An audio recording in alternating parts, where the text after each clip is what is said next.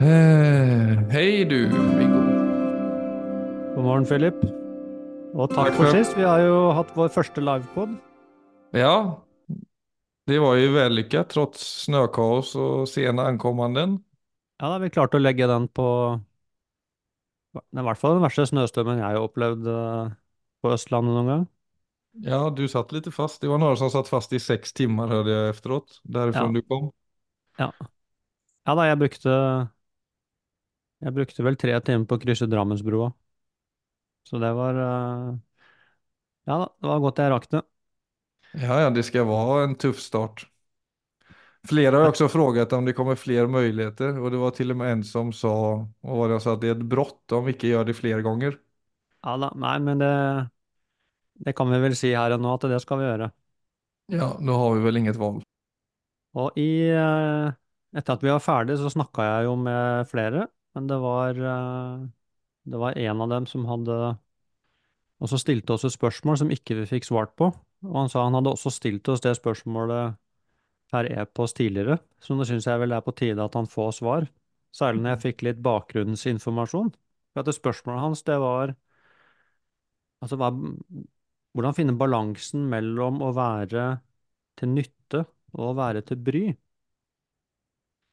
Og jeg skjønte ikke helt, jeg skjønte ikke hva han, helt hva han tenkte på bare når han stilte meg spørsmålet, men så ga han meg litt bakgrunnsinformasjon, og det var eh, to eksempler. Det ene var eh, han tok, altså nylig så tok han eh, et år fri, og bare var i Portugal, og levde veldig enkelt og veldig billig, og brukte vel mesteparten av det han hadde av oppsparte midler, men jeg synes selv det var helt fantastisk. Men så fikk han en tilbakemelding fra noen av vennene sine som var litt i denne gata her. Ja, det var fint det, men at du kunne snart komme hjem og, og være til nytte. Og, og i det så lå det for dem at skal du ikke jobbe og betale skatt, sånn at du er til nytte. Mm. Og så hadde han en annen greie nylig hvor han også hvor han faktisk gikk til Tyskland. Jeg tror også gikk rundt i Tyskland. Så, så vidt jeg husker, så var han borte i, i to-tre måneder, altså på spasertur ja, da rundt i Europa, da. Og så fikk han også den samme tilbakemeldingen, og det må jeg ha vært fra de samme vennene, som igjen var at vel og bra, men altså hva med å bidra? Så da skjønte jeg jo hvor spørsmålet hans kom fra. Så det Og jeg skjønner jo at det, er, at det er plagsomt når du får den type tilbakemeldinger, men, men hva er din umiddelbare reaksjon når du hører liksom spørsmål og får den konteksten? Ja, jag tänker direkt att de någonstans i sig själva önskar att de hade det drivet själva. Ja, du tenker det? Att Ja. livet. Ja. Mm -hmm. Ja, det, men det är klart att vi, och så är det ju, är det ju, det är inte ovanligt att vi människor har smala perspektiv och ställer spørsmål vid ting som träder utanför ramen. Det är, har det ju varit i alla tider såklart. Men jag tänker nog fort det, till och med när jag hör det, så blir jag ju lite sånn ja, det är någonting i mig som ju lockas till det och utforska livet på ett så självständigt sätt och på ett så Mm. eget sätt också. Mm. Eh, Så att, eh, men det där med skatt, det är ju, ja, alltså du bidrar ju till samhället när du betalar skatt. Det, Ja. så den är ju helt eh, reell från det perspektivet.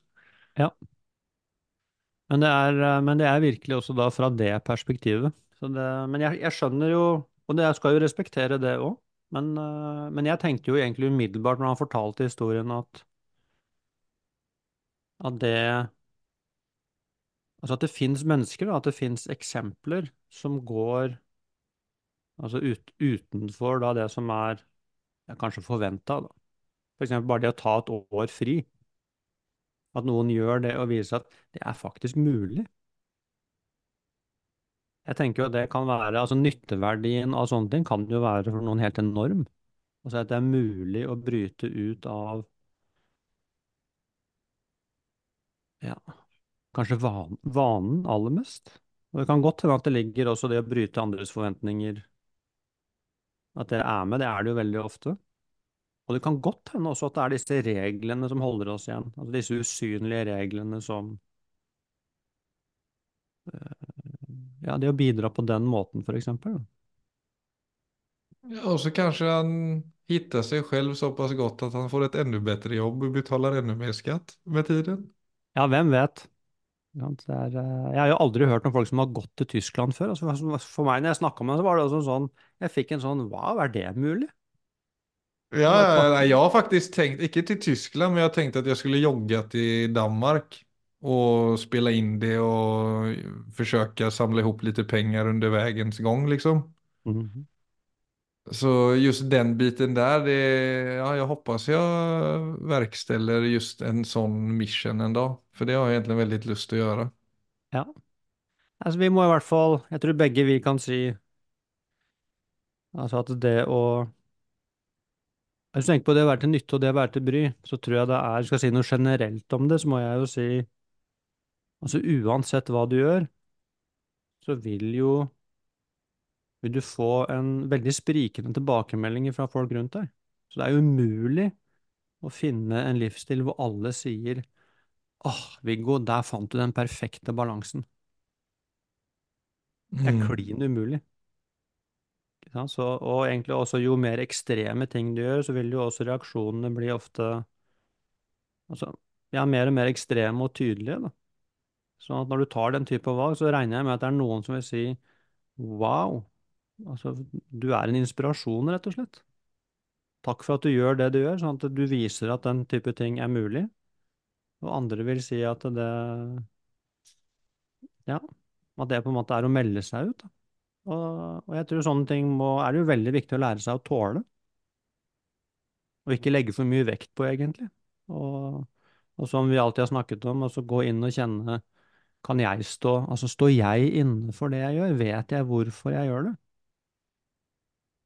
Eh, Eller er dette bare en selvsentrert handling, eller, eller, er, eller er dette noe dypere? Og hvis du finner at det resonnerer på noe dypere, så er det klart at det, det finner sin, da finner det sin vei. Ja, og jeg tror, altså, återigen da, om man, om, om man begrenser livet til å tenke at du bidrar med å betale skatt, så blir det jo veldig svårt å ta selvstendige val generelt sett. Jeg tenker jo om dette er noe han gör som han verkligen känner att han behöver för att få tag i perspektiv, för att kanske på sikt också må bättre, så vill han ju hela tiden i alla situationer, alla menneskemøten, alt han egentlig støter in i, vil jo han på en måte skapa gode virkninger eh, och som i seg liksom gjør at ja, den som på en måte sprider lite glede, Mm. Den har ju verkligen eh, bidratt mer än väldigt många andra. Ja. Ja, spre glede og spre perspektiv. Er, jeg vil jo tenke dypest sett at det du bidrar med, er, eh, det er deg selv. Og du kan si hva er det? Nei, det blir jo egentlig På en måte så er det jo da hvordan jeg Hvem jeg er i verden. Altså, det er det det er det jeg bidrar med, faktisk. Så det er jo både mitt vesen, men også mine handlinger. Så spørsmålet blir jo da mye mer Fra det perspektivet blir det mye viktigere å finne ut altså hvor kommer hvor kommer handlingene mine fra? For det er det som stråler ut av meg, så det er bidraget mitt, og det og det slutter jo faktisk aldri. Altså hvis du bare tenker på det, alt du gjør, konsekvensen av det du gjør, det slutter jo aldri. Det er jo ripple effect faktisk inn i evigheten. Mm. Så, så så viktig er det. Så vi, vi igangsetter jo altså ting for all tid hver gang vi gjør noe. Mm. Og for så vidt også når vi ikke gjør noe. Så er det noe med, så det blir jo litt voldsomme perspektiver, men allikevel den Da tror jeg man er på et litt mer uh, Ja, det fins ikke avstånd til noen ting, egentlig? Nei, faktisk ikke. Det er- Jeg tror det er et mer gunstig sted for refleksjon enn uh, enn bare denne altså konvensjonelle samfunnsnytten. Altså det blir, uh, det blir et veldig trangt perspektiv.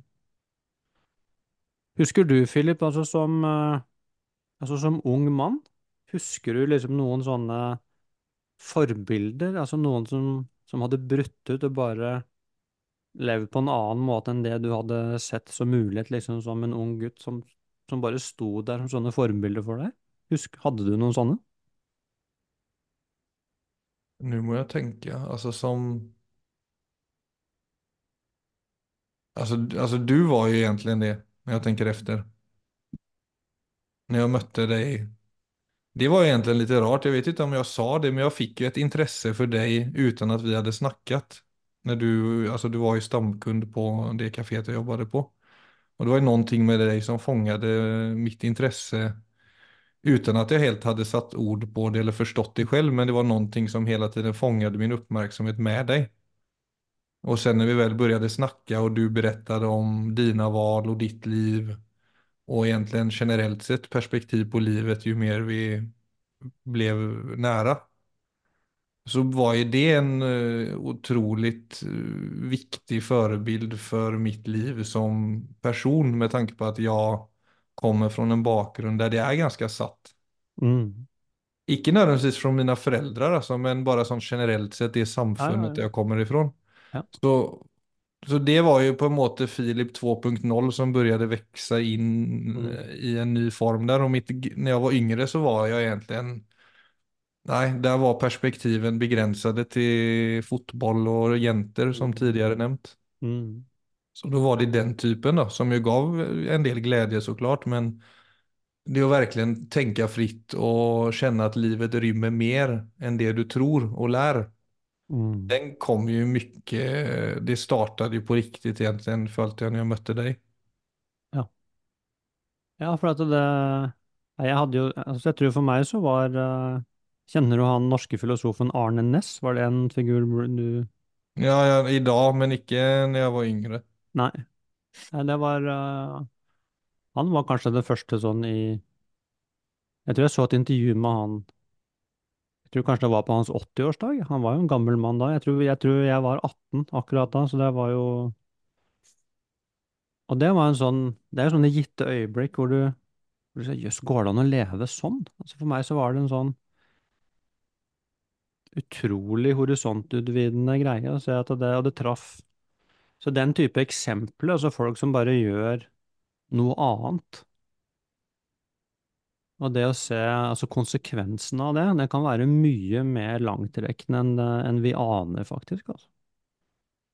Og det, og det samme når jeg tenker på dette med Når du sier at, at mitt liv var en inspirasjon for deg, så jeg tenker på når jeg valgte å bli munk, for eksempel, altså se hvor Ja, det liksom skulle ha noe effekt liksom utover Det var jo egentlig bare en sånn utrolig eksistensiell greie som bare angikk meg, men jeg ser jo i etterkant selvfølgelig at det ja, Det er interessant å tenke på, bare. Ikke sant? Altså, vi, valgene vi tar, er ikke bare for oss selv. Altså, det er, det er ikke sånn det er. Ja, og hvor viktig det er å tørre å tenke annorlunda. For jeg mener, om alle tenker likt så tenker ingen på ett vis. Och det är så mycket Mm. som ikke fungerar också i Mm. världen. Och så mycket potential som ligger i grum så aldrig får sett lyset. Mm. Så det är ju otroligt viktigt att hylla och så ser man kanske inte allting där och då som nytta. Men jag tror ju mer folk tør att göra ting som man känner, ja som du säger, om man verkligen känner att detta är en riktig handling för mig. Mm. Ikke bare en flykt. Det kan ju- en flykt kan ju också på en måte leda till något viktigt. Alltså, och en flykt kommer, känslan av flykt kanske också kommer av den grunden att allting just icke fungerar så bra som det kunde ha gjort. Ja. Men det er eh, Jeg tenker jo det som alltid kommer eh, Det kan jo være nyttig å si noe om, for det er jo alt det vi kommer Altså alt det vi støter imot, da. Og det er jo ofte sånne uskrevne regler, og de har vi i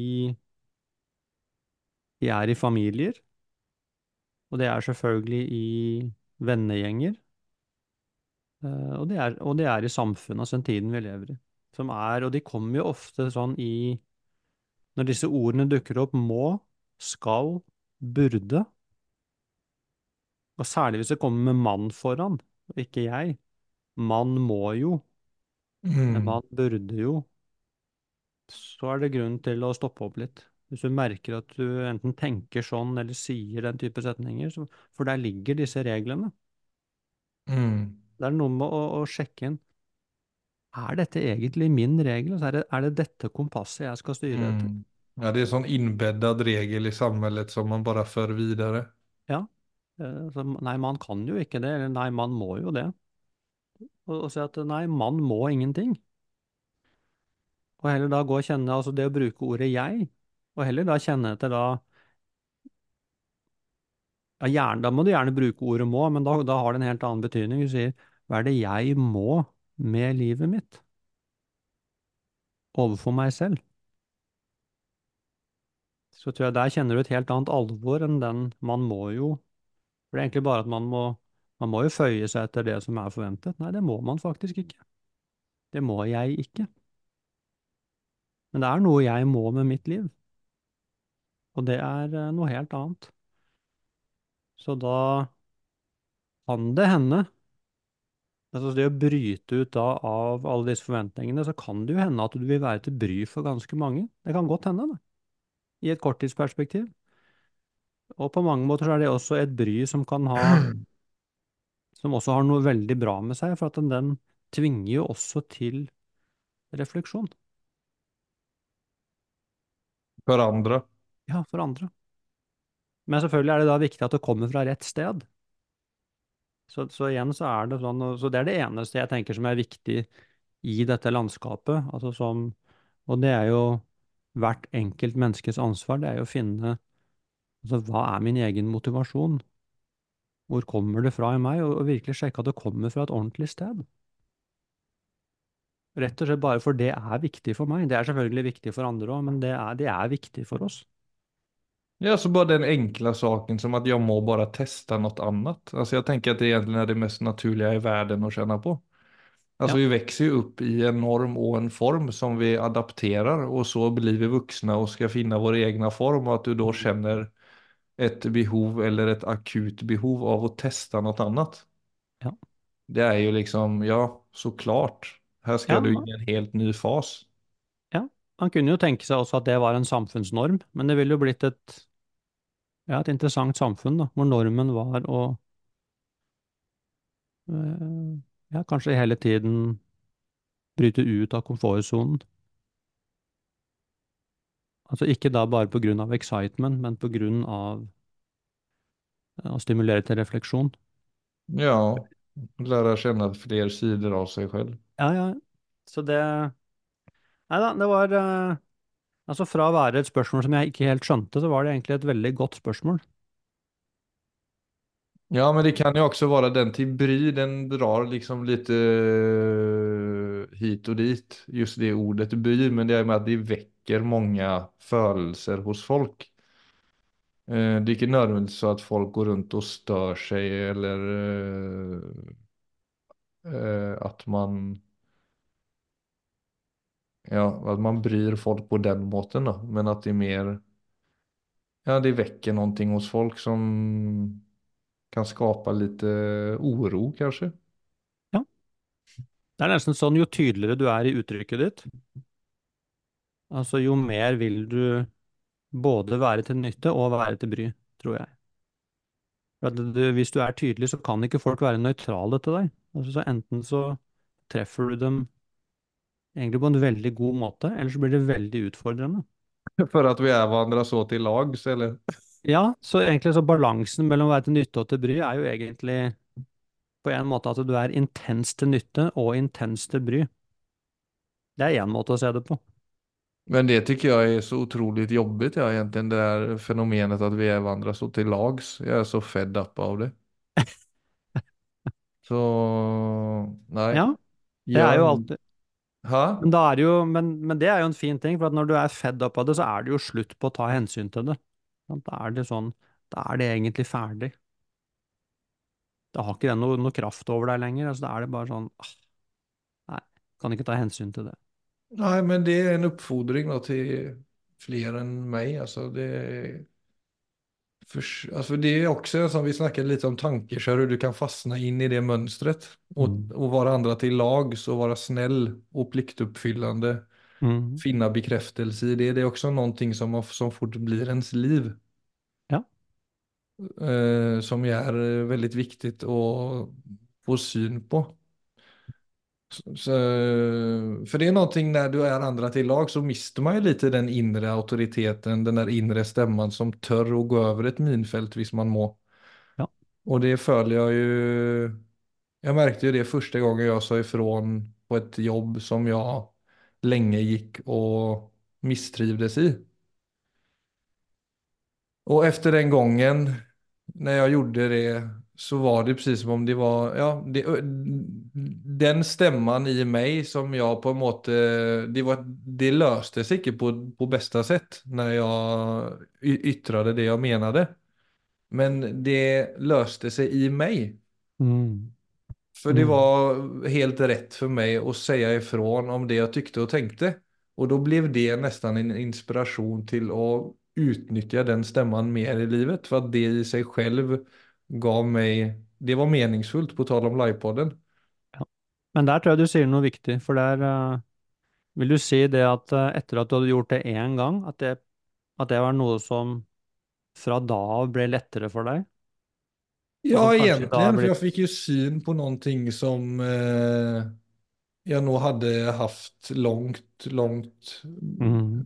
bak i et eller annat system i kroppen liksom. Så Mm. når det vel fikk luft så var det en mulighet som öppnade seg. Så det ble jo egentlig det. Det er ikke så at det, allting er lett, for at du er jo alltid redd. Alltså du kan jo fortsatt være redd for hva blir konsekvensen av dette. Absolutt. Men allikevel så tror jeg det er på akkurat det du sier der, for det kan være greit å vite. Altså, den første gangen er den verste. Altså, no, og noen ganger så kan jo sånne ting kjennes umulig ut. Altså, for mange mennesker, altså det å stå opp for seg selv og si ifra, ja, overfor en autoritet for eksempel, eller en jobb eller sånne ting, er jo Det kan noen ganger kjennes umulig ut. Altså, det, det vet jeg. Jeg vet, eh, jeg syns selv sånne ting var kjempevanskelig når jeg var yngre. Men det å ha gjort det én gang, altså det skaper en eller annen kobling, og det, det gjør det jo også i hjernen og nervesystemet, men det skaper en kobling også i sinnet hvor Altså, det blir virkelig. Mm. Det erfar, uansett hvor vanskelig det er, det å klare å gjøre det én gang, så er det jo, da er den koblingen satt. Og så er det da videre derfra, så er det mye, mye lettere. Er, jeg tror Ja, du kjenner at du sitter fast og så gjør du det og så ikke nødvendigvis så at noen att någonting skjer i det ytre, men du, som du sier, når den koblingen blir satt så lyfter du også helt andre perspektiv som ikke var tilgjengelige når du satt fast. Ja. Og det er jo det som er frigjørende ved det. Ja, det var et godt eksempel, Philip, for det er, det er akkurat som du sier, det er ikke sikkert uh, altså den ytre situasjonen løser seg så elegant alltid, men du setter deg selv fri. Det vil du kjenne, at du setter deg selv fri, og at du vinner din egen selvrespekt. Det gjør du når du ja, når den type ting dukker opp. Og det igjen, altså kan man jo være da intenst til bry for andre, Mm. altså på en måte i det konvensjonelle, men så kan man jo også se at ja, altså nytteverdien, nytteverdien av sånne ting er jo altså umulig å måle. De er jo enorme, rett og slett. Så, så jo mer jeg tenker over egentlig spørsmålet, det må jeg nesten si Våger jeg tenke nytt, det er bare positivt. Ja, jeg tenker det er viktig å være til bry, egentlig, altså på den måten. Det er utrolig viktig, for det er jo å bryte opp i alt det som bare er satt. Så det er klart disse ordene er så Altså fordi ordene har så Ja, både det å være til nytte og det å være til bruk. Altså det kan både være Begge deler kan være negativt og positivt ladet, men altså i sin, i sin beste forstand så er det jo på en måte å være autentisk. Og det å være autentisk betyr jo at det er ikke konvensjonene som bestemmer hva du tenker og gjør. Og da vil du jo være til bry. Du vil være til bry for alt det som vi har bestemt oss for hvordan det skal være. Du har alltid et hår i suppa, egentlig, hvis du er autentisk, eller hvis du er ekte. Og det er jo superviktig. Så Eller tet som Gitte fikk en gang. Hva? Eller avbitne nagler i ditt te som Gitte fikk en gang. Ok. Altså drakk en te og så var det avbitne nagler i teen. Noen som hadde vært litt skjønn og lagt litt avbitne nagler efter man var klar i en tekopp. Ja, det er kanskje är next, next level. Ja, det er next level.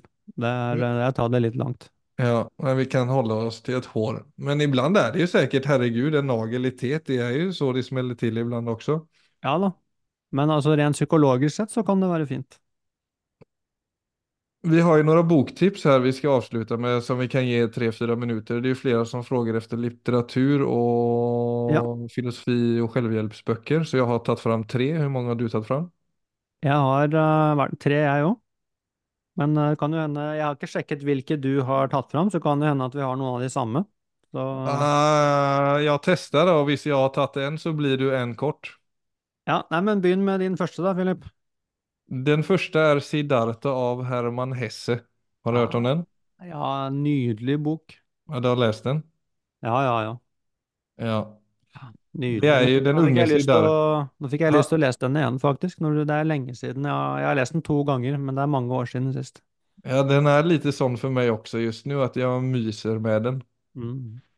Og det er den unge Siddhartha som lämnar sin familjs gård for å leve i självövervinnelse och i askes i skogen. Allt egentligen då bort ifrån livets goder och allt materiellt. Och så tar han till sig nya insikter och lärdomar. Men så lämnar han också det livet till slut efter mötet med en kurtisan som heter Kamala. Jag vet inte om du huskar det. Jo. Så förälskelsen träffar honom med full styrka. Och så blir han ett vart köpman och rik. Och börjar gambla och dricka. Och blir egentligen en del av det kretsloppet som han själv tidigare eh, föraktade. Då. Må du ikke si for mye, da, Philip. Nej. Det är klart. Och så drivs han ut på en eller annan vandring igen och så får ni se vad som sker. Ja, den er virkelig, virkelig, virkelig en flott bok. Den første Den andre er helt kort Full Catastrophe Living som jeg bare tar med som en eh, biblisk klassiker for alle som vil utforske mindfulness og kjøpe en bok. Ja. Så er den full av, eh, den er i sjokk som bare den, det er sånn tusen sider-følelse. Men også en sånn bok som jeg personlig bare hämtar veldig mye ifrån. Altså Full Catastrophe Living av Jon Kabat-Zinn, den er jo også oversatt til norsk og heter Livets katastrofer. Ja, ikke sant. Og så sist tok jeg fram eh, en fra Livets bibliotek som gjør en serie med mange fina bøker som du presenterte for meg. Ja. Og det er den boken av eh, den østerrikske psykiateren Viktor Frankel. Ja, fantastisk bok. Si ja til livet tross allt. Och han var jo da i konsentrasjonsleir og mistet jo alle i sin familie etter hvert. Men fant jo måter å si ja til livet på trots de mest elendige omstendighetene. Og den er en sånn bok som vekker just det, ja, litt av det vi snakker om gjennom podden føler jeg. Mm. Alltså det der eh, ja, at det er noe i mennesket som ändå önskar att leva oberoende av vad egentligen. Mm. Och så det väcker ju en sån livskraft i en tycker jag när man läser den. Veldig, og og tittelen på boka er rett og slett Si ja til livet. Ja til livet tross alt. Ja til livet, tross alt, ja. Nydelig. Ok, kjempe, kjempefine titler. Jeg vil også anbefale en i Den er også i Livets bibliotek, men den er også utgitt på i andre bokserier. Og det er eh, Til meg selv, heter boken. Og er skrevet av Marcus Aurelius, Mm. som Så det er jo Den er jo 2000 år gammel. Og som er hans Sannsynligvis hans Det var jo aldri meningen at dette skulle bli en bok. Det var hans eh, ja, kanskje dagboksnotater. På engelsk så, så, så heter den Meditations. Mens eh, på norsk så har den eh, blitt kalt Til meg selv. Det syns jeg er en nydelig tittel, for han, han skrev jo egentlig bare til seg selv. Det var selvrefleksjoner. Og han var jo romersk keiser når Romerriket var på sitt største. Så, så han var kanskje verdens mektigste mann. Og allikevel så, så har han disse utrolig nære refleksjonene. Altså, ser, han har ingen interesse av penger eller makt eller sånne ting. Altså, han er, han er virkelig bare opptatt av å være et ekte menneske.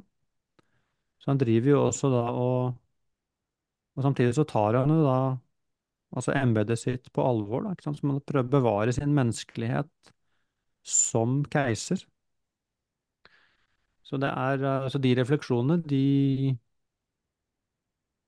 de har jo vi, vi mennesker har vi gjenkjent, faktisk. Altså gjennom siden den gangen, så har den boken funnet sitt publikum i, til alle tider. Fordi det er noe fellesmenneskelig, det er noe helt grunnleggende menneskelig ved det han, han reflekterer rundt. Så det er, uh, Mm, den har det er en bok man egentlig kan lese resten av livet. For det er jo sånne små mm, Det er liksom en halv side, en tredjedel side, én side, kanskje på det meste en og en halv til to sider. Så det er sånne korte, korte Det er ikke kapitler engang, men korte sånne tekstutdrag, da.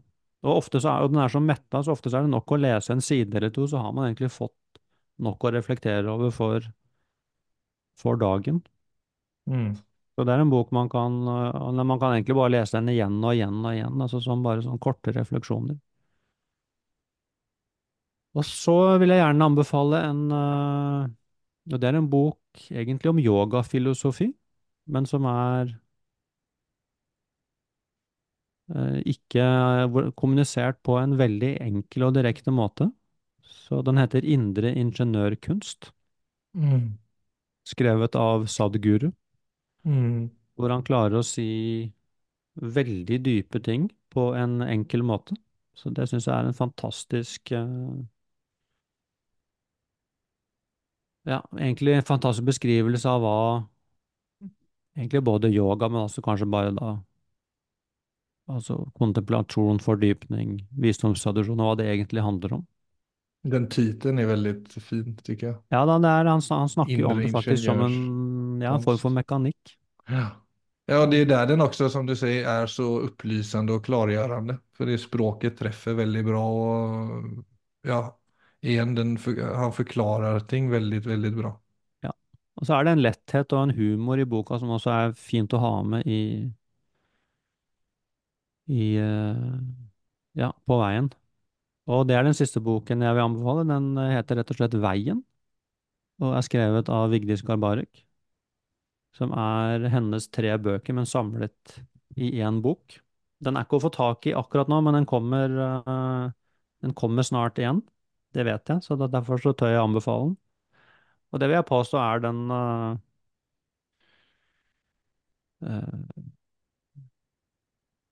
Altså, det er rett og slett en Jeg må si absolutt Det er en unik bok, rett og slett, altså om visdom. Altså på norsk. Så Det er den boken jeg har lest flest gånger.